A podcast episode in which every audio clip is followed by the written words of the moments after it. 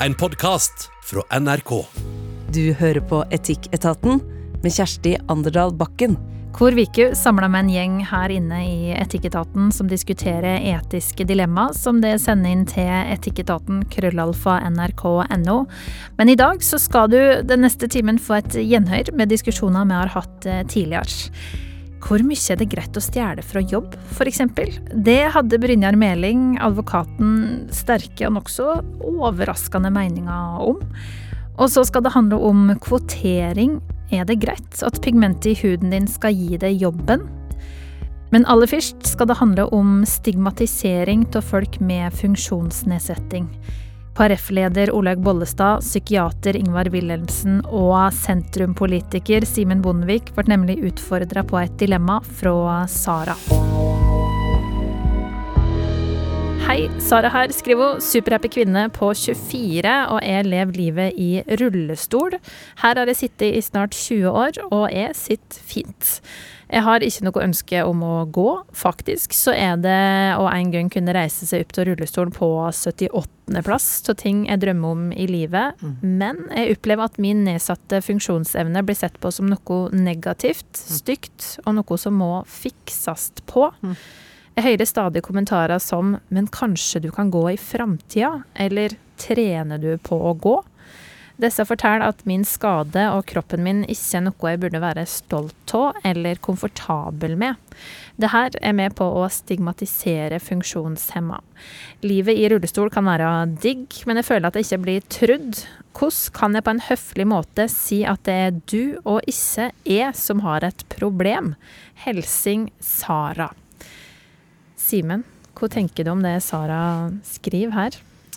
Altså Når du leser opp, så får jeg puls. Jeg kjenner at jeg blir så ufattelig provosert langt inn i sjela mi. Folk tar seg altså så store friheter eh, til å dømme andres liv bare fordi det er litt eh, annerledes enn sitt eget. Eh, og så tror jeg også de tingene som Sara hører, er et uttrykk for eh, hvor lite eh, nordmenn flest vet om mennesker med nedsatt funksjonsevne. Det er Norges største minoritet. Det er den mest diskriminerte gruppen. Eh, og jeg har jo eh, en samboer som har nedsatt funksjonsevne. Eh, og jeg har ikke telling på hvor mange ganger jeg har fått høre at jeg er en helt som er sammen med henne. At hun er heldig som har funnet en som meg, på tross av funksjonsnedsettelsene. Det er en sånn, det er helt absurd. Folk ville ikke sagt det til noen andre eller til noen andre minoriteter. Og liksom jeg har selv en funksjonsnedsettelse som er usynlig, og både min erfaring, samboeren min sin erfaring, og sikkert Sara sin erfaring også, er at ingen av oss lever noe dårligere liv pga. funksjonsnedsettelsene våre, men det, vi lever dårligere liv pga. hvordan samfunnet og folk forholder seg til funksjonsnedsettelsene våre. Eh, og det er utrolig, utrolig dumt eh, at det er sånn. Jeg, jeg kjenner jeg blir liksom ja, får puls av å høre, høre Sara sin historie, fordi det hun opplever, er jo ikke bare noen litt ufine kommentarer, det er diskriminering. Men kan jeg spørre, få lov å spørre, Simen, da? For det, jeg syns jo dette er kjempeinteressant. Så spør jeg jeg spør meg sjøl, eh, og jeg spør på en måte hvordan vi som samfunn er. For vi har på en måte plassert oss i, i på en måte noen bokser. Sant? De, de, er på en måte helt friske, skarpe, flotte, og så er det disse. Disse er, har en funksjonsnedsettelse, og så er det disse. Disse kommer fra en annen kultur. Disse har en annen seksuell legning, f.eks. Så, så på en måte, hva er, hva er normalen? Vi har på en måte båssatt, og da blir òg den følelsen av diskriminering ganske stor. Hvorfor kan vi ikke bare uh, sette pris på det her mangfoldet, Ingvald? Hvorfor må vi flytte folk fra boks til boks? Jeg vet ikke, men jeg tror det at uh, mange tenker at det må være vanskelig å være i rullestol. Det må være en kjempeutfordring og, og fortvilende. Mens hun sier at hun har vært der i 20 av sine 24 år, mm. trives i rullestol. Hun vet ikke om noe annet liv. Og jeg har vært en periode i rullestol. Jeg uh, var jo helt frisk til jeg var 35 år. Så ble jeg lam, tok åtte timer, ble helt paralytisk midt oppå brystet og ned. Og betennelse inn i ryggmargen. Veldig sjelden greie. Så jeg var seks-syv uker i rullestol. og Jeg var jo glad for at jeg kom ut av den. Jeg, jeg fikk spastiske bein, så jeg går noe dårlig. Det gjør jeg fortsatt. Så jeg er jo funksjonshemmet på den måten. Kan ikke løpe og sånn. Og jeg opplevde litt uh, av det som sikkert de som er hele tiden i rullestol opplever. F.eks. fikk besøk av familien på sykehuset. Jeg var i rullestol. Skulle bort og kjøpe noe i kiosken. Og når vi skulle betale, så spurte hun eh, som skulle selge dette til oss, spurte min kone betaler han med kort eller kontant. Og da sa min kone du får spørre han. For akkurat når du ikke kan gå, så kan du jo snakke, du kan tenke. Så, men jeg, jeg, forst- jeg var glad for at jeg slapp å være i rullestol, og det er klart det må jeg få lov til å være. Samtidig som jeg må vise forståelse for at man kan ha utrolig gode liv i rullestol. Det har vi jo sett mange eksempler på. Men det som hun spør, hun eh, Sara, hvordan kan jeg på en høflig måte si at det er du og ikke jeg som har et problem? Så jeg, jeg ville foreslå at hun uh, kan spørre de, altså etter at de har sagt et eller annet sånn diskriminerende. Kan jeg få lov til å stille deg et spørsmål? Så sier folk ja. Kan du spørre plager det deg at jeg sitter i rullestol? Det er jo et høflig og fint spørsmål, for hvis det plager deg, så kunne du kanskje gjøre noe med det. Og hvis de da sier nei, nei, nei, nei, nei da. Nei, men da er det jo ikke noe problem, da. Men da forstår jeg ikke helt det du sa. Altså, Da er du i gang med en dialog. For man vet kanskje ikke at man diskriminerer, eller at man sier ting som virker offensiv og, og nedsettende. Man sier det kanskje i en slags god mening til og med, kan man tro sjøl. Helt til man får tenkt seg om. Og da vil sånne spørsmål få deg til å tenke. Noe av det som jeg syns også er veldig vanskelig her, er at vi legger jo veldig mye av ansvaret her på Sara for hvordan hun skal møte situasjonen. og Jeg forstår at det er det vi, det er, det vi er her for å gi råd om, men samtidig så syns jeg det er viktig å si at ansvaret for å ikke bli diskriminert, det ligger jo ikke først og fremst på Sara. Det må jo ligge på alle oss andre. Eh, hvordan vi snakker, og at vi, hvis vi hører sånne kommentarer, at vi sier fra. Men så tror jeg det vil være lurt, som Ingvar var inne på, at hun forbereder seg på hvordan hun skal møte disse situasjonene. Jeg har i hvert fall når jeg havna i sånne situasjoner eh, med samboeren min på fest, for eksempel, hvor det har kommet sånne kommentarer som at hun er heldig som har fått en som meg på tross av at hun er funksjonshemma, så, så blir man helt sånn Altså, man stivner helt. Klarer ikke å møte der og da, fordi man blir helt satt ut. Og da eh, har i hvert fall jeg vært helt avhengig av å øve inn eh, noen svar på forhånd. Øve inn noen setninger. Hvordan møter jeg det i situasjonen? Men, men jeg syns eh, eh, Jeg er jo enig, Simen. Og samtidig så tenker jeg at eh, Sara har jo en tydelig eh, funksjonsnedsettelse for å sitte i rullestolen. sant? Men så sier du, Simen, at jeg har en funksjonsnedsettelse som ingen vet om. Og da tenker jeg òg, vi setter hverandre i bås. Ja ja, han der Simen, han kan jo være litt sær. sant vel? Og så vet en ikke at han vedkommende òg har en utfordring. sant? Eller ikke en utfordring trenger det være heller, men du lever med en funksjonsnedsettelse. Og, og, og det er det som på en måte jeg er opptatt av. Hvordan debatterer vi dette, hvordan snakker vi om det? For hvem er på en måte innenfor normalen, hvis jeg forstår hva jeg mener, i den, i den boksen. Og, og eh, nå fortalte Ingvar at han satt i rullestol. Jeg husker jeg hadde en mann som hadde en type hjerneblødning hvor 75% dør momentant i 2000. Og så overlevde han, så hadde jeg et behov for å vise han fram på 17. mai, for det at, at alle hadde jo trodd han hadde jo hatt begge bein og halve rumpa i grava. Så jeg hadde jo et behov for å vise at han er faktisk kom tilbake igjen. Da opplevde jeg òg litt av det samme, på en måte, at eh, de snakket til meg og Guds, kjekt at du har han med deg. Det som folk skal, kan trøste seg med, og alle, alle vi kan trøste oss med det at folk takler ekte problemer bedre enn tenkte. Fordi at ekte problemer har ikke du noe valg. Altså, og de er begrenset av tid og sted og rom, og du kan sette i gang og mestre, du kan få hjelp, du kan få støtte, du kan få behandling, du kan få blomster. Men det vi ikke trenger, det er tenkte problemer i tillegg. Fordi at, og de, er- der er det jo ingen grense. Da er det bare vår fantasi som setter grenser. Og, den, og så kommer du ikke i gang med mestring, for det er bare en tanke.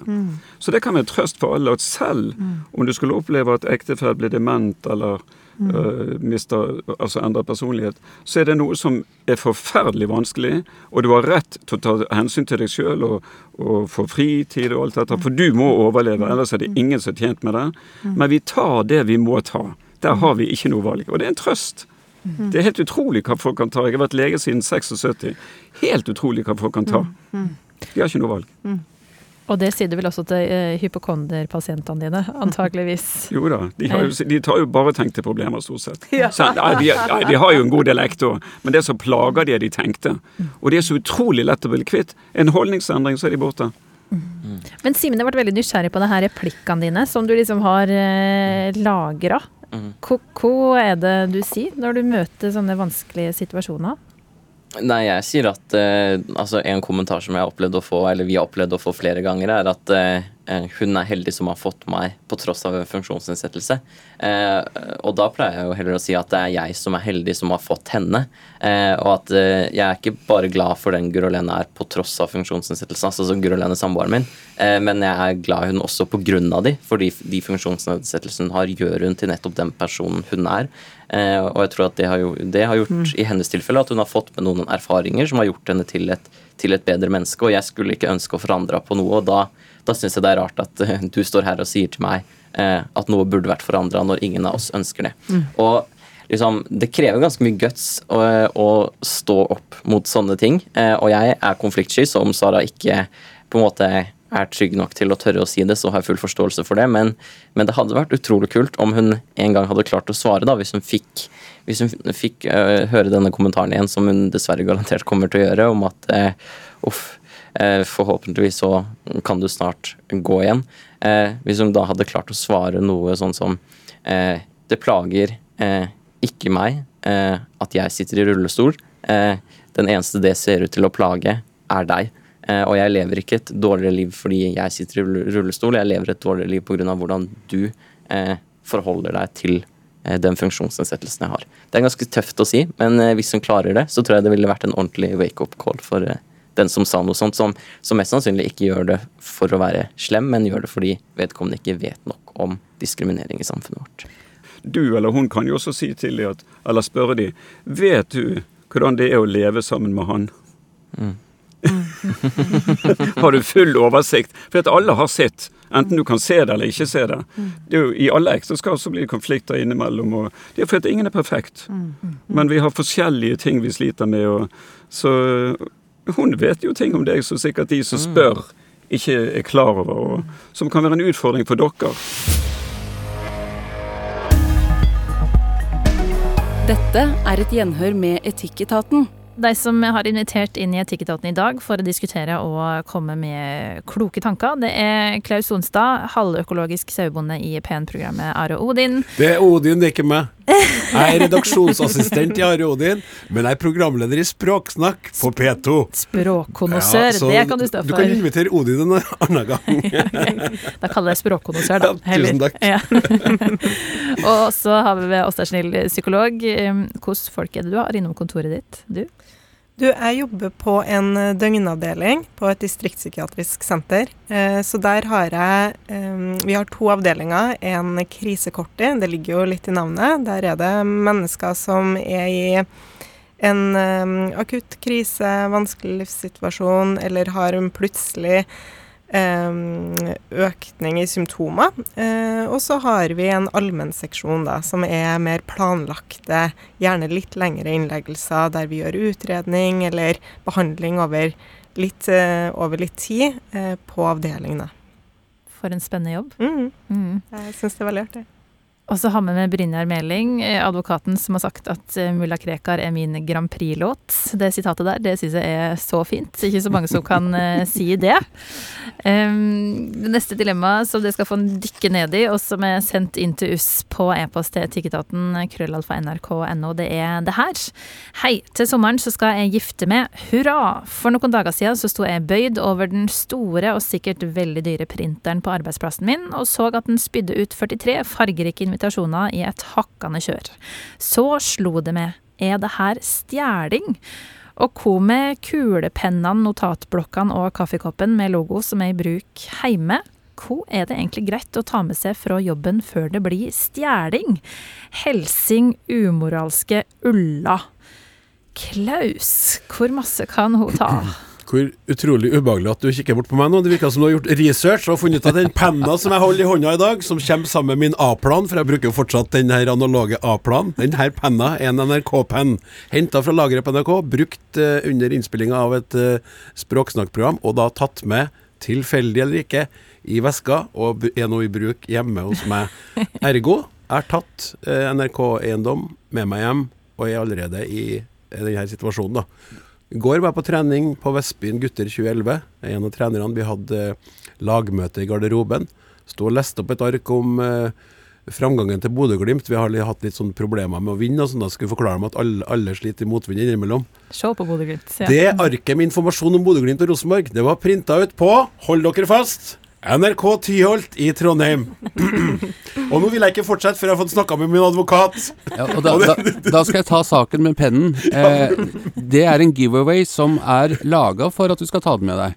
Eh, så lenge det er en logo på den. Ja, men det er ikke logo på den, nettopp den er henta fra lageret. det er hentet fra Du må hjelpe Ja, meg, Brynjar- jeg trenger hjelp. da går vi for samfunnsstraff, ikke frifinnelse. Ja, så Hvis det er logo på den, så tenker du at det hadde vært helt uh, streit, men det her det er liksom vasking, eller? Nei, altså det der er litt interessant, for jeg tror eh, Nå, nå kommer jeg jo i to roller her, jeg er advokat, men så er jeg også arbeidsgiver. Ehm, jeg, jeg, vil at, eh, jeg vil jo at folk skal ha et så nært forhold til eh, jobben sin at det, det å ta med seg en penn eller en blokk eller noe sånn hjem føles naturlig. Eh, det er litt det der olja i maskineriet. ikke sant? Altså, vi, vi, dette er folk som, eh, altså mine ansatte, som gir veldig mye av seg sjøl, av tida si. Eh, og, og, og at vi da skulle liksom begynne å tenke at liksom, å nei, ikke print ut bursdagsinvitasjonen til guttungen din på printeren, eller eh, ikke sleng det, de fire julekortene oppi, oppi firmaposten når du skal sende, sende et brev. Altså, eh, jeg tror at dette er ting som skal til, eh, må til for at vi skal ha det greit. Grensen mellom da å bli rigid og retthaversk på den ene siden, utnyttelseselementet på andre siden. Jeg, jeg tror de fleste av oss vet hvor den der grensen går. De fleste av oss har et ganske sånn greit kompass. Men, men eh, Åsta, hvor masse er det å stjele med seg fra, fra DPS? Har du noen greier hjemme, eller? Vi har veldig lite ting å stjele på, på DPS, eh, men eh, det har sikkert blitt med en utprint eh, av et eller annet som ligger hjemme, eller noe, noe penn og, og notatblokk, kanskje. Mm. Eh, det vil jeg anta. Men ser du det over skuldra når du printer ut på jobb? Er det litt sånn uh, ubehag oppi det hele, hvis det er liksom invitasjoner til Ja, en for der, bursdag? der tenker jeg med invitasjoner og sånne ting som, er, som skal brukes eh, på privaten, kan man ikke spørre, da? Jeg har tenkt på det samme. Eh, hvis vi skal gå over til temaet som altså innsenders eh, problematikk da for øvrig, må jeg si at det var et søtt eh, antall på bryllupet. 43 stykker. Sånn, det er ikke noe bondebryllup, men det er jo en gjeng. Ja. Men der hadde jeg nok altså, ikke sant, Den ene, den ene utskrifta som jeg tok med i garderoben og, og leste opp, eller den penna eller to eller blokka som du bruker, og så har du, jobber jo hjemme og sånn. Men det å begynne å printe ut bevisst større, større mengder med privat utskrift, da tror jeg jo det vi er over i en sånn så Brynjar sier er også arbeidsgiver, men hvis du har et stort advokatkontor, da, jeg vet ikke hvor stort uh, Brynjar sitt er, men ikke sant, NRK her på Tyholt er jo stort, eh, en stor organisasjon med masse folk. Og det er jo masse folk her som har konfirmasjoner og, og eh, bursdager og alt mulig. Og hvis det oppdages at det printes ut i det vide og det brede, så kan det jo bli et eh, økonomisk sånn merkbart eh, Ikke et problem, men at, at man ser det på på, på, På budsjettet muligens, Ja, ja. altså, sånn? Det, det, altså, begynner man å sjekke, det er så ufattelig mye papir som går. Mm. Og så har alle oppdaga at det er fritt fram, og det er fest på, på printerrommet. Ja, for jeg har tatt et sånn eh, raskt regnestykke, faktisk. Fordi ja. litt over 30 av oss jobber i offentlig sektor. Det er vel omtrent det samme som her rundt bordet, faktisk. Og det vil si ca. 700 000. Og hvis et ark kosta da rundt 20 øre, da, så kosta det 140 000 hvis alle tar én utskrift. Nettopp. Og det merkes jo, det. Hvis da vi tar eh, Men- 43 bryllupsinvitasjoner da, så blir det jo noen millioner fra skattekassa, Brynjar. Ja, men hvis du begynner, hvis du begynner den tankegangen eh, Hvor mange minutter stjeles av arbeidstida di, da? Altså de fem minuttene rundt kaffemaskinen som ikke er arbeid, men, men du står og, og, og prater. Skal arbeidsgiver si app, app, app, app, tilbake på jobb, du skal produsere timer her? Eller skal man tenke at det er et trivselstiltak? Altså eh, det, er jo, det er jo en ja, man kan sette opp sånne regnestykker, men, men eh, det kan, kan jo være at kanskje jeg burde ansette en blåruss til å ta ansvar for økonomien i firmaet. Det, det kan være, men, men jeg tenker at man skal være litt rause og litt sånn rundhånda. Så er det klart at det er stor forskjell på, på eh, noen få invitasjoner og det å ta hele borettslaget sin eh, årsberetning på 400 sider og i 30 eksemplarer. Altså, sånn at eh, Men, jeg, jeg Brynjar, Ja. Hadde du ikke blitt litt, eh, kanskje litt glad og, og rørt av meg da, hvis en ansatt hadde spurt eh, om, du, om de kunne få lov å printe ut bryllupsinvitasjoner, at du kunne få lov å være med å bidra til bryllupet? Jo, jo, jo, jo.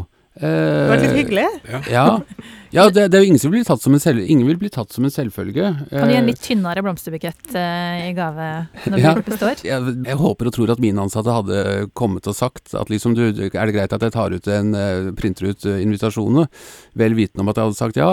Og så kan det jo det andre være da at hvis man vet at sjefen sier ja uansett, hvorfor skal man da spørre?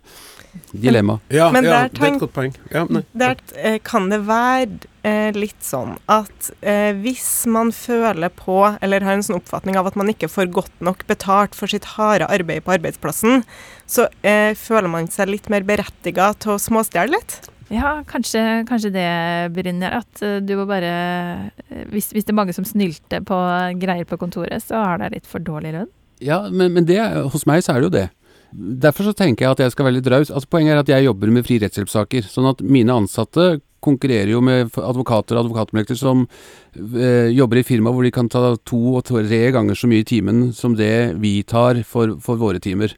Så de vet at jeg har små marginer. De, vet at vi har en helt annen verden enn enn hvis det står eh, et fint brevark fra Vika i Oslo eller eh, Aker Brygge.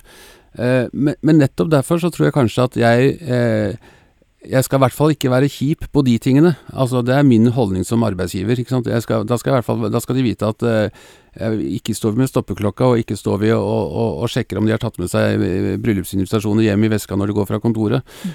Men hvor går grensa for dere? Det er jo det Ulla spør om her. Hvor, hvor er innafor å ta med seg? Er det Hvor går grensa for det? Jeg tenker jo at uh, sånne penner som blir med, det tror jeg skjer med alle. Ehm, jeg har jeg snakka med ei eh, for ei tid tilbake, eh, husker jeg nå, som fortalte at hun stjal alt mulig fra jobb. Kunne til og med ta med seg f.eks. en rull med dopapir. Og da tenker jeg, da går du jo bevisst inn. Så kanskje der, da, der hvor du går bevisst inn for å ta med deg eh, for egen eh, gevinst hjem, Um, Idet du kjenner at du bør se deg litt over skuldra, eller at du håper ingen ser deg nå, Mm. kanskje du holder på å krysse grensa da? Ja. Jeg har eh, sett en undersøkelse som er gjort, den er rett nok noen år gammel, som viser at eh, mer enn en firedel av norske arbeidstakere syns det er helt eh, greit å ta med kontorrekvisitter til privat bruk. Men hvem tror de kan tøyde grensene mest? Jo, det var altså menn mellom 20 og 34 år med høy universitetsutdannelse. Så det henger ikke sammen med utdanning heller, det greiene her. Stort studielån, stort studielån. Ja, det er sant. Vi ikke betaler ned, trenger noe kaffe og noe penner. Yes.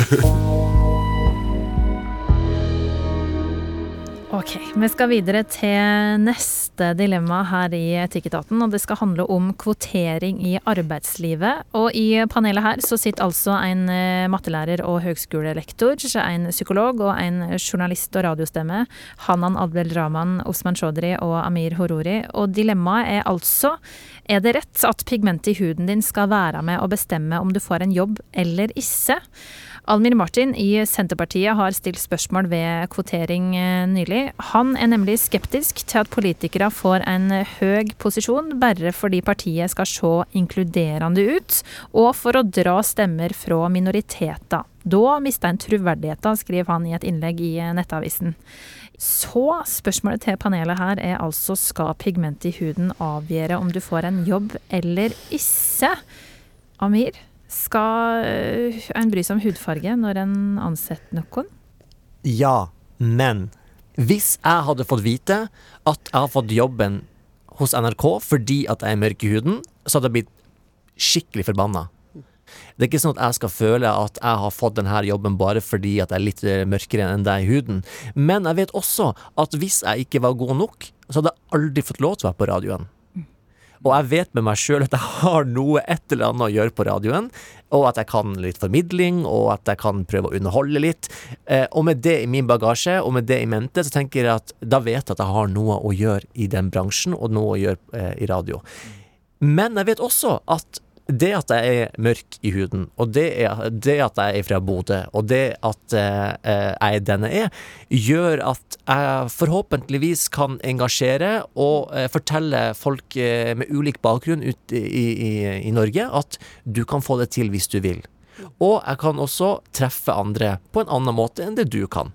Man skal også vite at hvis man altså ikke har noe i den bransjen eller den jobben å gjøre, så hadde man ikke fått lov til å være det over lengre tid. Hvorfor trengs det psykologer med minoritetsbakgrunn eh, da, Osman? Ja, før jeg svarer på det, så vil jeg si at det, det spørsmålet da, at folk, eh, altså mørkhudede, skal bli kvotert inn altså Jeg syns det blir veldig forenkling, da, fordi det er ikke bare hudfargen det er snakk om. Det er hva den hudfargen bringer med seg. Og det er noe helt annet enn det en, et, en, kanskje en hvit hudfarge bringer med seg av kulturell kompetanse, av bakgrunn, av, øh, av tankesett, av en, et ståsted, et synsvinkel som man kommer med inn i et arbeid. Det er derfor det er så viktig å ha psykologer med mangfoldig bakgrunn. Det er, bare, det er ikke fordi at en brun psykolog kan øh, behandle en øh, brun pasient bedre, men det er på en måte det sammensetningen av psykologstaben i Norge at hvis, man, hvis det reflekterer det Norge vi er i i dag, så vil man da få bedre helsetjenester, en mer variert forskning, eh, med spørsmål som kanskje en hvit person aldri hadde tenkt på, men en brun person tenker på. Et eksempel er hovedoppgaven som jeg skrev under studiet om eh, psykisk helse og psykisk helsehjelp blant eh, folk med innvandrerbakgrunn. Og de funnene jeg gjorde der eh, Foran meg satt to sensorer. Dyktige, med lang erfaring, professorer, to kvinner, skrevet masse bøker og sånt. Men som er helt sånn målløse, fordi dette har de ikke tenkt på før. Og da sitter jeg der og, og bare øh, snart uh, ferdigutdanna med mye mindre erfaring enn de har, og tenker Så jeg har kommet med noe unikt, faktisk. Jeg, det jeg har skrevet, det har bare ikke vært i mitt hode. Det er faktisk Dette er viktig, på en måte. Men det betyr selvfølgelig ikke det at du skal bli valgt pga. hudfargen din, selv om du ikke kan jobben, på en måte. Det hadde vært veldig lett. Det hadde vært mye enklere. Ja. Men um, det har vært en eh, sak, en nyhetssak til meg når du eh, var ferdig på studiet, Osman. Du var uh, aleine i din eh, klasse på psykologistudiet som eh, flerkulturell eh, mann. Ja, jeg var den eneste Ja, det er faktisk kanskje flerkulturelle, men i hvert fall eh, med pakistansk bakgrunn.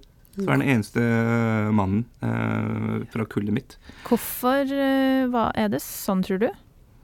At det er så få flerkulturelle som tar psykologiutdanning?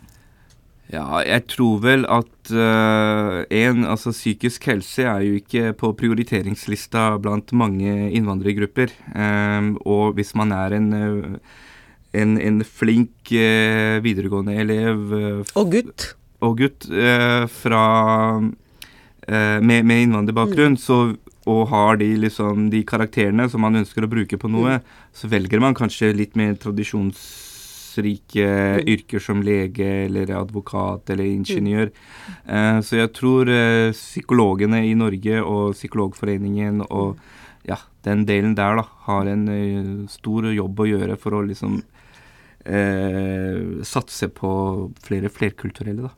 Men det er jo snakk om å, å kvotere inn menn på psykologiutdanninga bl.a., fordi det begynner Mm. å bli eh, veldig mange damer. Er det ikke da bra å gi noen ekstra poeng også til folk med minoritetsbakgrunn, for å få flere inn på psykologistudiet? Jo, jeg tenker det. Eh, hvis, altså, hvis, man kan, hvis man kan kvotere inn menn, og man kan argumentere for det, så kan man jo bruke akkurat de samme argumentasjonene for folk med minoritetsbakgrunn.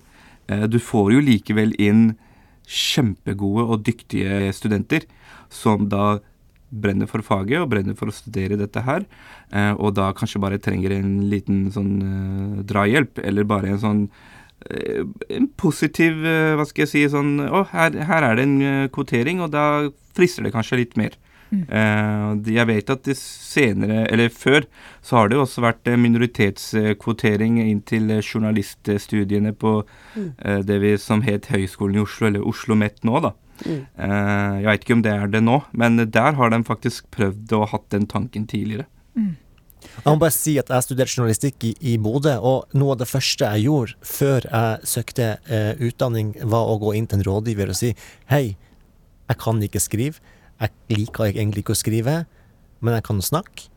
Har jeg noe å gjøre her? Og da sa han til meg det er akkurat samme som det vi trenger. Og det gjør jo at jeg får en boost med en gang. Å ja, Ok, så jeg kan gjøre noe der. Ikke sant? Og det, det har jo Jeg har med vilje valgt å ikke skrive, men jeg har med vilje valgt å lage radio. Jeg har med vilje å tenke litt mer TV-radio, fordi at det er det jeg kan. Eh, og så tenker jeg også at dette er her er det noen ledere som må snakke med hverandre. Fordi hvis det er en leder der ute som bare har lyst til å få en mørkhuda person som pryder forsida deres utad i Norge, så har de tapt, ikke sant? Men hvis de gjør det fordi de forstår at her kan vi treffe flere, her kan vi faktisk Det er en grunn til at Coca-Cola, store selskaper, eh, svære, gigastore multinasjonale selskaper satser flerkulturelt, for de forstår jo at de kan treffe folk. Og så enkelt er det. Men det å vite at man er der fordi det ser så bra ut, det er ikke en god følelse. Nei, Hanna, når, når Ja. tenker du at kvotering er liksom feil? Jeg, for å være helt ærlig, er litt eh, hva skal jeg si, blanda følelser da, når det gjelder kvotering. Fordi jeg har vunnet, to priser. Jeg sier ikke det fordi jeg skryter av meg sjøl nå, men jeg tenker på begge de to prisene så er jeg den eneste utlendingen som har liksom Første kvinnelige utlending da, som har vunnet disse to prisene i Norge. Og jeg tenker, hadde det vært bare fordi jeg er med minoritetsbakgrunn, og fordi jeg er muslim, og fordi jeg valgte å dekke håret mitt, da hadde jeg blitt veldig fornærmet. Og ikke fordi jeg virkelig er god på det jeg fikk pris for, da.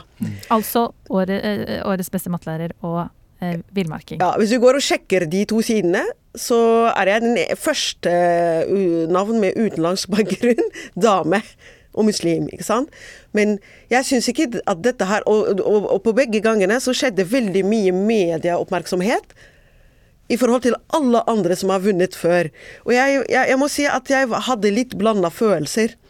Har de eh, oppmerksomhet fordi jeg er med utenlandsk bakgrunn og muslim, eller fordi jeg skal snakke fag nå, da? Ikke sant? Men er det ikke bra også å løfte fram det som et sånt villmarksforbilde? Ja, selvfølgelig fordi jeg er villmarksforbilde, fordi jeg er glad i naturen, fordi jeg kan det jeg driver med. Ikke fordi jeg er hanan som er med minoritetsbakgrunn og muslim. Det er, ikke det jeg ønsker å bli løftet for, da.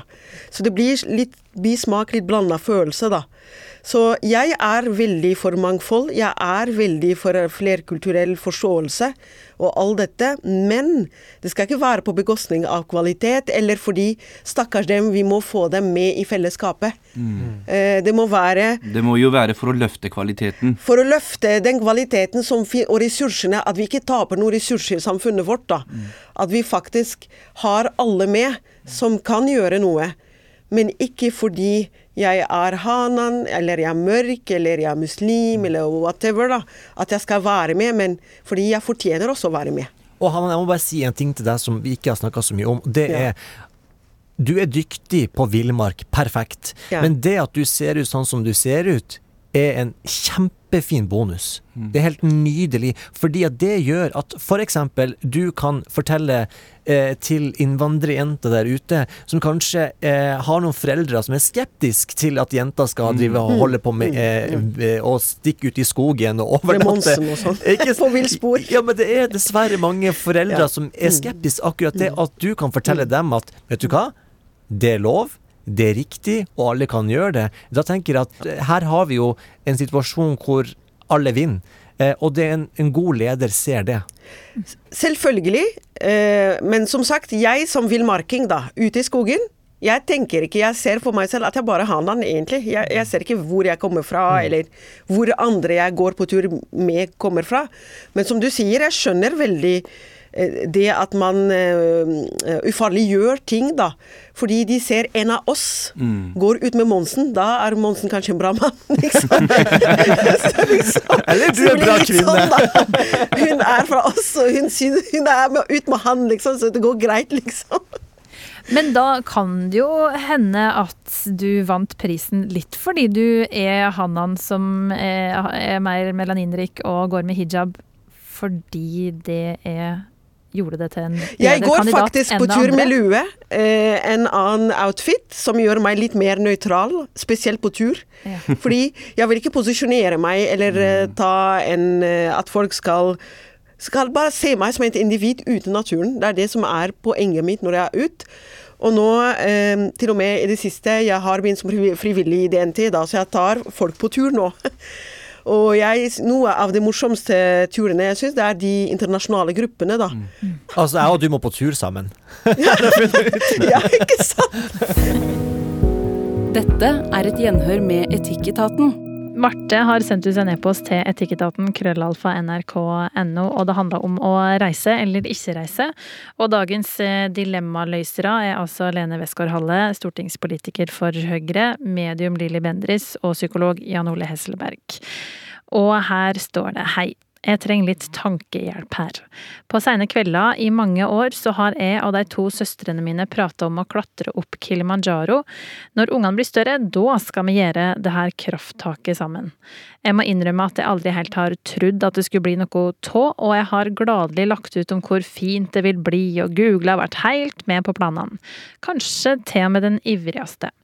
Skrekk og gru. Nå blir det altså en realitet, og alle hjerter gleder seg, bortsett fra mitt. Den vesle familien min er alene med to barn, har låg inntekt og relativt stor gjeld. Vi er flinke til å finne gode løsninger og klarer oss veldig bra. Vi har litt penger på krisekonto, og strengt tatt har vi råd til den reisa her, men da er budsjettet mitt helt låst. Hva når vaskemaskina ryker eller bilen må på verksted? Ungene begynner òg å bli store, og jeg vil gjerne hjelpe deg når de snart flytter hjemmefra. Jeg er en slags vindusshopper når det gjelder reiser, koser meg med å drømme om det, men vil helst være på den sikre sida økonomisk. Hva syns det? Burde jeg bare ofre sparepengene mine for fellesskapet? Jeg kan jo vaske klærne for hånd om vaskemaskina sier takk for seg, og selge bilen hvis den kollapser. Takksam for litt påfyll til topplokket. Helsing Marte. Og jeg har googla litt, og en tur til Kilimanjaro kosta helt vanvittig masse penger. Eh, En pakkereise eh, kosta minst 25 000 per person. Og her er det snakk om å gange det her med tre. Um, er det umoralsk eh, å være med på det her reisedrømmene når du egentlig ikke vil, eller kan ta det råd til det? Eh, Lilly, du har reist. du hadde reist. Jeg hadde reist. Skrapa kontoen. Ja. Ja. For jeg tenker at penger kommer og penger går, det ordner seg. Ja. Du lever, eh, selv om jeg tror man lever flere ganger. så tenker jeg Men dette tror jeg også er veldig person. Min søster hadde nok sagt at eh, Hun er litt mer forsiktig med at nei, nei, det, det går ikke an. Men jeg hadde tenkt at uh, dette er en opplevelse i livet som vil bety så mye. Alt det andre praktiske, det ordner seg. Eh, om jeg må spise brødskive og tomat i noen måneder. Eh, det ordner seg. Det, det, det, så jeg er nok ufornuftig og hadde sagt at du vil kanskje få en opplevelse i livet. Du vil sitte på gamlehjem og tenke på at 'tenk at jeg gjorde det der'. Mm. Så det er noe med å tørre å gå ut ifra boksa og det sikre. Eh, for jeg tror at denne dama allikevel har nok til å klare seg. Er du enig, Lene? Ville du satt sjansen? Jeg tenker at Marte bør sette seg ned og kjenne litt ordentlig etter på magefølelsen. For jeg klarer ikke helt å tolke om hun egentlig vil eller ikke. Um, så, så for meg så hadde det vært liksom Hvis hun setter seg ned alene og kjenner etter, altså vil du egentlig dra på den turen? Hvis du Alt annet til side. Uh, for hvis du innerst inne egentlig vil, så er det en annen skål enn om du innerst inne egentlig ikke vil. Mm. Eh, hvis du innerst inne egentlig ikke vil, så skal du la være. Eh, du skal ikke la deg presse av at du har sittet og snakket om dette i mange år. og sånn. Altså Hvis det er søstrene dine og du ikke har så god råd, så forstår de det. Tror jeg. Eh, men hvis du innerst inne egentlig vil, og kjenner på dårlig samvittighet overfor barna dine eller den økonomiske situasjonen, eller å prioritere deg selv, Um, så tenker jeg jo at det er noen grep hun kan ta, da. Fordi hun sier at hun liker å drømme seg bort og drømme om reisen, og det kjenner jeg meg veldig godt igjen i. Jeg liker det også, det er veldig godt. Um, og det er jo liksom litt sånn vindusshoppe. Så hadde jeg vært henne, så hadde jeg sagt at, uh, til søstrene mine så hadde jeg sagt dette har jeg skikkelig lyst til, men det er fortsatt litt utfordrende for oss økonomisk, så hva om vi sier 2024 eller 2025? Så setter vi datoen så blir det helt konkret. Men da får hun på en måte, hun kjøper seg litt tid, både ved at hun da kan vindusshoppe litt lenger da, og drømme om denne reisen og se for seg både fjell og sjiraffer og hvordan alt skal være, og nyte det. Og så får hun litt bedre tid til å spare litt mer penger. Og så blir ungene litt større, sånn at hun kanskje får litt mindre dårlig samvittighet. For jeg kjenner jo ofte på den der mamma-dårlig samvittigheten selv, så det skjønner jeg godt. Så tenker jeg at det kanskje kan være liksom en, en farbar vei, da. For det er jo en helt vanvittig opplevelse. Jeg, må, jeg har ikke vært der, men pappa har vært der. Han eh, er blind. Men ville fortsatt klat, klat, klatre Kilimanjaro og syns det liksom var mest spennende i hele verden. Og så er han litt sprø, så han han har arvet dette thrill seeker-genet av han. Så han hadde løpt New York Marathon ikke så lenge før, og så hadde han brukt et lite ben i ankelen sin. Og så skjønte han det at hvis han sa det til noen, så kom vi i familien til å si at sorry, men du får ikke lov til å klatre opp Kilimanjaro. Så han sa ikke noe, han. Jeg tenkte det at hvis jeg ikke sier noe, så går det fint. Så han klatra opp Kilimanjaro blind eh, med et lite brukket ben i ankelen, og besvimte da han kom på toppen. Men han klarte det. Og jeg lever jo på det, da. Og syns det var helt fantastisk. Så det er jo en utrolig opplevelse. Så, så hvis Marte innerst inne i magen sin vil, så syns jeg hun skal satse. Jeg liker det, det forslaget ganske godt. Det om å utsette det litt, sånn at hun kan eh, kombinere det beste fra to verdener, for så vidt. Og jeg er enig i at det er litt uklart om hun vil det eller eh, ikke. Eh, og så er det jo sånn at det, det er, noen er jo, er jo utvilsomt for impulsive med bruken av penger. Du har begge deler. Noen er for restriktive, noen er for impulsive. og det som, eh, det som er et viktig poeng her, syns jeg, da, det er jo at eh, det er ikke bare hun som påvirkes av hennes eh, valg. Eh, Sånn at eh, hvis hun må drive og vaske, vaske klær for eh, hånd, eh, som hun sier at hun kan gjøre, så, så er det jo ikke sånn at eh, det er bare hun som eh, måte, lider under det. Det er også, også barna hennes, som, eh, for hun må bruke mer tid på å vaske de klærne for hånd. Og, eh, og alt blir litt mer komplisert i familien. Så det å, det å ta den, det med i betraktningen, som det virker som hun gjør, det tror jeg er viktig for andre som står i lignende situasjoner. Da, at hun ikke bare tenker på seg selv. Så kan hun jo, Hvis de setter dato, da, 24 eller 25, så kan hun si frem til det, til jul og bursdag, så ønsker jeg meg Kilimanjaro-penger. Ikke Ja. sant? Så kan det Mm. være jul- og bursdagsgaver. Så er det liksom litt sånn Ja, for det virker som at det er pengene som gjør at hun, hun lurer, ikke det at hun ikke vil. Og det er mye læring i å være sammen som en familie i et sånt spareprosjekt også. Mm. Mm, Økonomisk eh, trening, og sikkert noe en kan få god bruk for når de skal tuppes ut av redet om, om noen år. Nå skriver ikke våre gamle barna. Hun gjør ikke det, men hun sier at de eh, snart har behov for, eh, for støtte hjemmefra fordi de skal flytte ut. Så det er antageligvis okay, er ganske voksne. ungdomsskole, videregående alder på disse. Mm. Riktig. Men kan hun, kan hun spørre om økonomisk drahjelp, da? Fra, fra søstrene? Ja, det tenker jeg. Hvis de har bedre råd. Mm. At det kan være i hvert fall en, en sikkerhet, da. Mm. Om ikke annet. Og Hun trenger jo ikke å spørre om det heller, men eh, hun kan jo forklare situasjonen. Mm. eh, hvor eh, utfordrende det er for henne, og hvilke, hvilke avveininger hun faktisk må ta. Hvis det er sånn at jeg får ikke kjøpt meg en vaskemaskin eh, hvis, hvis den ryker etterpå, eh, så, så vil jeg jo anta at de søstrene, hvis de har, har ekstra penger, forhåpentligvis kanskje foreslår noe selv. da, En løsning på det. Et lån eller, eller eh, noe annet. Det er ikke så mange tabuer vi har her til lands, men økonomi, det kan vi Mm. være ganske dårlig på, på å prate om. Ja. Um, så det krever jo litt, da, eh, av henne å fortelle til søsteren at vet du hva, det her har jeg ikke råd til. Men uh, du har sagt at du heier på åpenhet, Lene. Ja. Si at det er det som er problemet. Ja, jeg gjør egentlig det. Jeg tror, og jeg tror de vil ha forståelse. Altså, Søsken har jo det. Hvis de er så, har et så godt søskenforhold at de har lyst til å sove i telt sammen på Kilimanjaro, så tenker jeg kanskje at de bør kunne snakke om det ja. Og kan hun, kan hun fortsette å drømme, sjøl om hun kanskje ikke har råd, tenker du? Eh, Ja. Lili? Eller skal hun liksom Ja. begrense det til hva som er realistisk? Nei, altså Selvfølgelig, du kan leve lenge på drømmer. Og, eh, og hun, kan, hun er nok ganske ung allikevel. Jeg er 76, og jeg gjør jo ting som jeg hadde lyst til å gjøre når jeg var 40, men da kunne jeg ikke. Men jeg gjør det nå. Så det er aldri for sent. Jeg har en sånn Bora Bora. Jeg skal til Bora Bora en gang. Mm. Helt urealistisk. Langt vekk, vanvittig dyrt. Men jeg har drømt om det i sikkert ti Ja. år. Og det gir det noe å Ja, drømme? det, jeg det er å se på bilder, og det ser så fint ut. Og jeg tenker at en dag så skal Ja. jeg det. Det er ikke så veldig konkrete planer, da, riktignok. Men eh, ja, jeg liker det veldig godt. Sånn drømme om ting. Halvparten av reisen for meg er liksom den drømmedelen og planleggingsdelen. Og det er Særlig litt sånn lange reiser, da. Kanskje kan det da være fint å tenke det her skal skje om noen år. Så Ja. kan det gi liksom påfyll i Ja. den her ventetida også, da. Nå så har eh, single Ingrid sendt ut en e-post, et eh, hjertesukk. Vi har jo da med Kjetil Gilleberg i panelet i dag.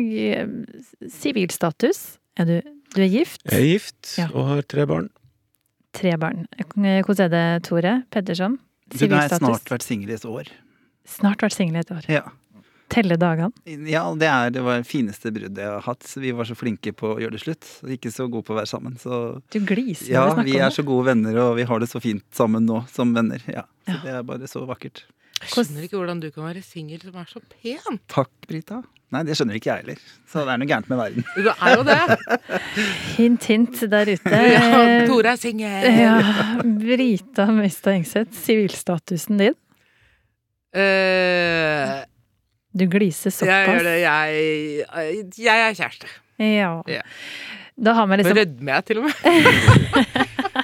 Da har med alle varianter rundt bordet her. Det passer veldig veldig fint. eh, Fordi Ingrid skriver også til etikketaten krøllalfa nrk.no. I min verden så omgås ofte par, og ikke single, spesielt i helgene. Jeg opplever at mine venninner ikke engang kan lage ei avtale med meg på en lørdag, fordi den er reservert partneren. Eller så skal de på parsammenkomster. Hvordan få innpass som singel i en verden omgitt av par, skriver hun til oss. Jeg går til den single. Kjenner du igjen det her? Ja, det gjør jeg. Um, og det er jo um, Hva skal jeg si?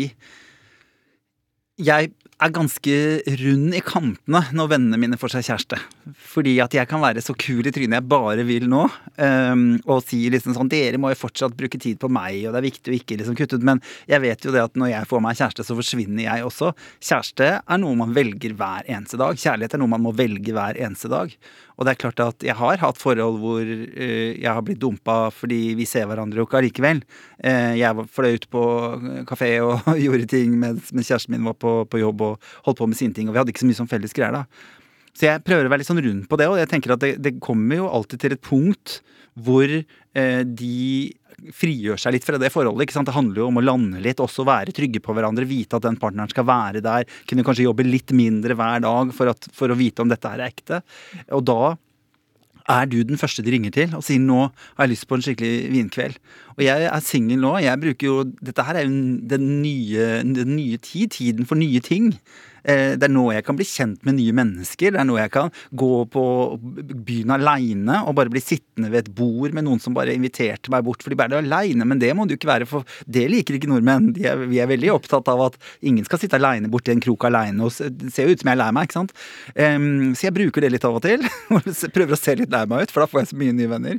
Og så tenker jeg det gjør jeg nå, fordi at nå er det liksom tiden innenfor det. Og når jeg får meg kjæreste igjen, da er det jo tilbake igjen til å velge kjæresten sin hver eneste dag. Og prioritere den og, og sånne ting. Helt av med vennene sine syns jeg ikke man skal være. Men jeg, jeg har liksom tatt, brukt denne tiden på at, å arrangere litt. Ja. At det er jeg som inviterer inn mennesker jeg kanskje har møtt i jobbsammenheng som jeg tenker søren, han er veldig hyggelig, eller de er jo så fine folk. Kanskje de har lyst til å komme. Og da hender det at de tar med seg kjæresten sin, eller så, eller så gjør de ikke det. Så jeg tenker at den tiden du er i nå, den er, varer ikke for alltid, da.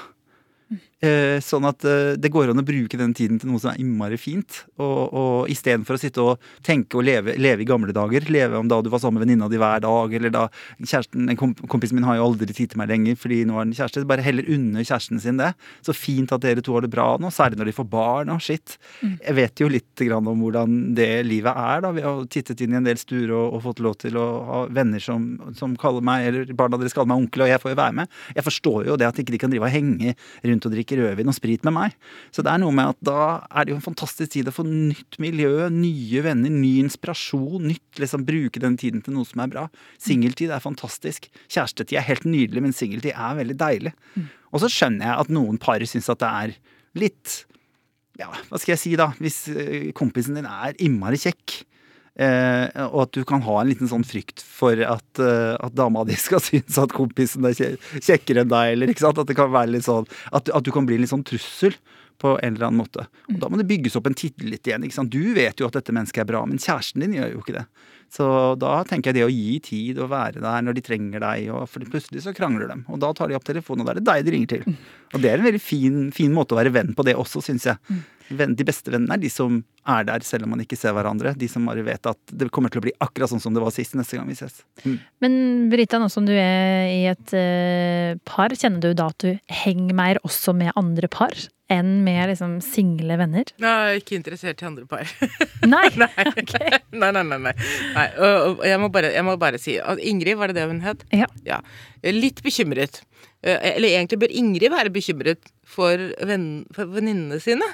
Hvis det er sånn at eh, de, altså, de bare har lørdagen sammen med partneren sin, da må jo Ingrid gå inn og si hei, hva er det du gjør med livet ditt? Hva er dette for noe? Hvorfor har dere ikke hatt det hyggelig resten av uken? Hva er det som skjer på mandag, tirsdag, onsdag, torsdag, fredag? Dette er ikke bra. Eh, Hvis det er sånn at dere har bare tid til hverandre på lørdager, så er det noe veldig galt med forholdet deres, så nå må du bli med ut. Du kan rett og slett ikke gjøre det. Så jeg vil være mer, altså, jeg er mer bekymret for vennene hennes eh, enn for Ingrid. Hun kommer til å klare seg helt fint, hun. Det går helt bra. Og en annen ting er at øh, Hvorfor er det vel ikke noe Nå er jeg sikkert kjip, men er det vel ikke noe kjedeligere enn å være i parmiddag? Hæ? Det må da være det mest hetero som finnes. Ta, gå ut i parmiddag pluss plus tre. Som ikke har noen ting med hverandre å gjøre. Det er gøy! Altså, du, du sitter ikke liksom i sånn flere tospann rundt et bord og har en helaften? Nei, nei, nei, nei, nei, Nei. nei, for gammel til det nå, altså. Det høres ut som en veldig sånn akkurat etablert og er i 30-årene-greie. Er det det, Kjetil? Du som har vært gift en stund. Ja, det vet jeg ikke. Men jeg tror eh, Jeg tror kanskje hvis at eh, Hvis du er par, så ber du kanskje andre par, og ikke disse single, fordi at du er redd for at de skal føle seg utafor. Og at en, i stedet for å snakke om det, i stedet for å spørre, i stedet for å invitere, så tar en liksom hensyn uten å si noe der. Og det syns jeg er utrolig trasig, rett og slett. Hvis det er sant, da. Men det tror jeg faktisk en del gjør. Så hun Ingrid, var det det? Ja. Jeg ville ha, jeg ville ha Hvis hun hadde vært her, så ville jo jeg ha spurt henne Har du lyst til å være sammen med disse venninnene dine og disse parene. Og det høres det- ut som at svaret på det er ja. Ja. Mm. Da ville jeg ha sagt det. Vet du hva, jeg har lyst til å være sammen med dere. Også når dere bare er sammen og det ikke er noen andre single der. Men jeg liker dere. Så eh, inviter meg. Jeg har lyst til å være med. Og så tenker jeg at, eh, at Og hvis ikke det blir eh, Så finn deg noen andre venner, da. Og det er lett å si, og ikke så lett å gjøre. Det er ikke alle som er Tore. Og så er det litt interessant om det er det, For det står det vel ingenting om hvorvidt dette er i byen, eller om det er på bygda. For hvis det er på bygda, dette her, så er, og jeg kommer fra verdens minste plass, og det er klart at hvis det er disse som finnes, da, så må du få det til på et, et eller annet vis. Hvis, men vi som bor i Oslo og har alle muligheter her, sant, så er det en annen, en annen utfordring. Mm. Og da ville jeg nok tenkt mest som Tore, se litt utover, da. Ta, benytt sjansen. Mens eh, hadde du vokst opp eh, der i bygda mi, så hadde jeg gjort, jobba hardt for å få dette til. Syns du det er kleint å sitte på middag med to andre par og være den ene single, Tore? Nei, men jeg føler at jeg må holde meg litt tilbake, fordi jeg opplever så mye gøy, og det gjør ikke de. Eh, Men det er jo derfor jeg elsker å ha liksom single venner. For Ja. det kan liksom gi meg innsikt i en verden som ikke jeg lenger lever i. ja, det er og jo så de- forfriskende. Og de vennene de inviterer meg jo, ikke sant? for de vil jo ha meg med som en sånn gøy, artig Hvem har sluppet ut sirkuset-type. ikke sant? Da kommer Tore med alle historiene sine, og da kan vi le litt, og da kan vi ha det gøy. Men jeg, jeg syns det er litt kjedelig å være på de middagene, fordi det er så lite liksom Jeg har sittet i middag hvor de har sittet bare og snakka om, om den bleiebutikken som de pleier å gå inn i, eller ikke sant, hvor de sitter og snakker om veldig sånn Husker du den hytteturen vi var på? For det, det har ikke skjedd noe siden sist. Mm. Så når jeg må holde meg selv tilbake igjen, fordi jeg er sånn ah, Tore name-dropper, og Tore sitter bare og liksom forteller om det flotte han har gjort, at jeg føler at det er jeg som blir den kjipe i den settingen, Mm. så syns ikke jeg det er noe hyggelig. Så da tenker jeg sånn Jeg veit de, jeg vet de kommer tilbake. Jeg har god tid. Håper jeg. I hvert fall det tar utgangspunkt i at jeg har god tid. Men hvis hun har lyst til å i hvert fall teste ut da, det her eh, parmiddagene og se om det er noe for henne, hvordan kan hun liksom be om innpass? Arranger Leie selv. en kjæreste, da. Ja, men Leie en mann. selv. Inviter alle sammen hjem til seg. Da styrer du liksom hvordan ting er. Da kan du ordne den maten du syns er god. Sørge for at eh, vi sitter litt sånn og litt sånn, at ingen bare sitter liksom borti et hjørne og snakker med kjæresten sin, men at man kan fordele det litt. da, Og invitere inn kanskje flere enn de to para, men at det kommer litt flere folk òg. Kanskje en singel til, så er dere i hvert fall to. Eh, og For det har jeg lurt på, hvis jeg, hvis, hvis jeg skulle invitert to andre par, og så en singel venn To single venner, føles det litt som at de skal matches da? Eller går det fint å liksom ha den konstellasjonen? Å, det hadde vært hyggelig om noen hadde giddet å lagt så mye effort inn i ting. Jeg har aldri blitt spleisa med noen på, på middag. Det syns jeg vennene mine burde ta til seg. Det hadde vært en god idé.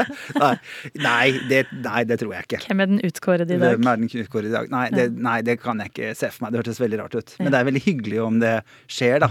Eh, Men da må man ikke snakke om det på forhånd og si 'nå har jeg invitert noen du skal møte', for da hadde jeg fått eh, utslett på innsida av låret og helt kjempesvett og sliten. Men, eh, for jeg er ikke noe god på sånn flørting. Men, men det at de kanskje hadde invitert noen som er skikkelig skikkelig bra, som de ordentlig går god for, og sier 'dette er en bra fyr, Tore', eller tenk, tenker 'dette er en bra fyr, Tore', liksom, for å se om dere to finner det, det, hadde jeg- da da de vist kjærlighet, syns jeg. Bare si det etterpå. Mm, Ja. Si det etterpå. Og med det rådet der fra Tore Petterson til alle par med single venner, så takker vi for følget fra Etikketaten eh, i dag. Og hvis du har lyst til å høre mer fra diskusjoner vi har eh, hatt, så kan du søkes opp i appen NRK Radio. Der finner du masse podkaster. Neste uke er vi tilbake med et nytt panel og nye dilemmaer. Da skal det faktisk handle om etiske dilemmaer knytta til sport. Kanskje har du tips oss om noe vi bør eh, diskutere? I så fall, send oss gjerne e-post til etikketaten krøllalfa nrk.no. Kjersti Anderdal Bakken heter altså E, og vi høres.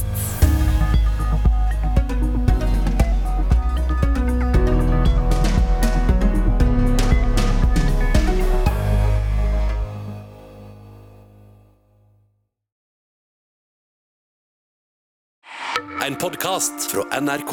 Hei, jeg heter Gry Veiby. Hva med en podkast som plukker ut de viktigste nyhetene for deg, både fra Norge og verden, og snakker om dem på en måte som gjør at du ikke kan la være å høre på? Vi gir deg det du trenger for å holde deg oppdatert. Oppdatert hører du først i appen NRK Radio.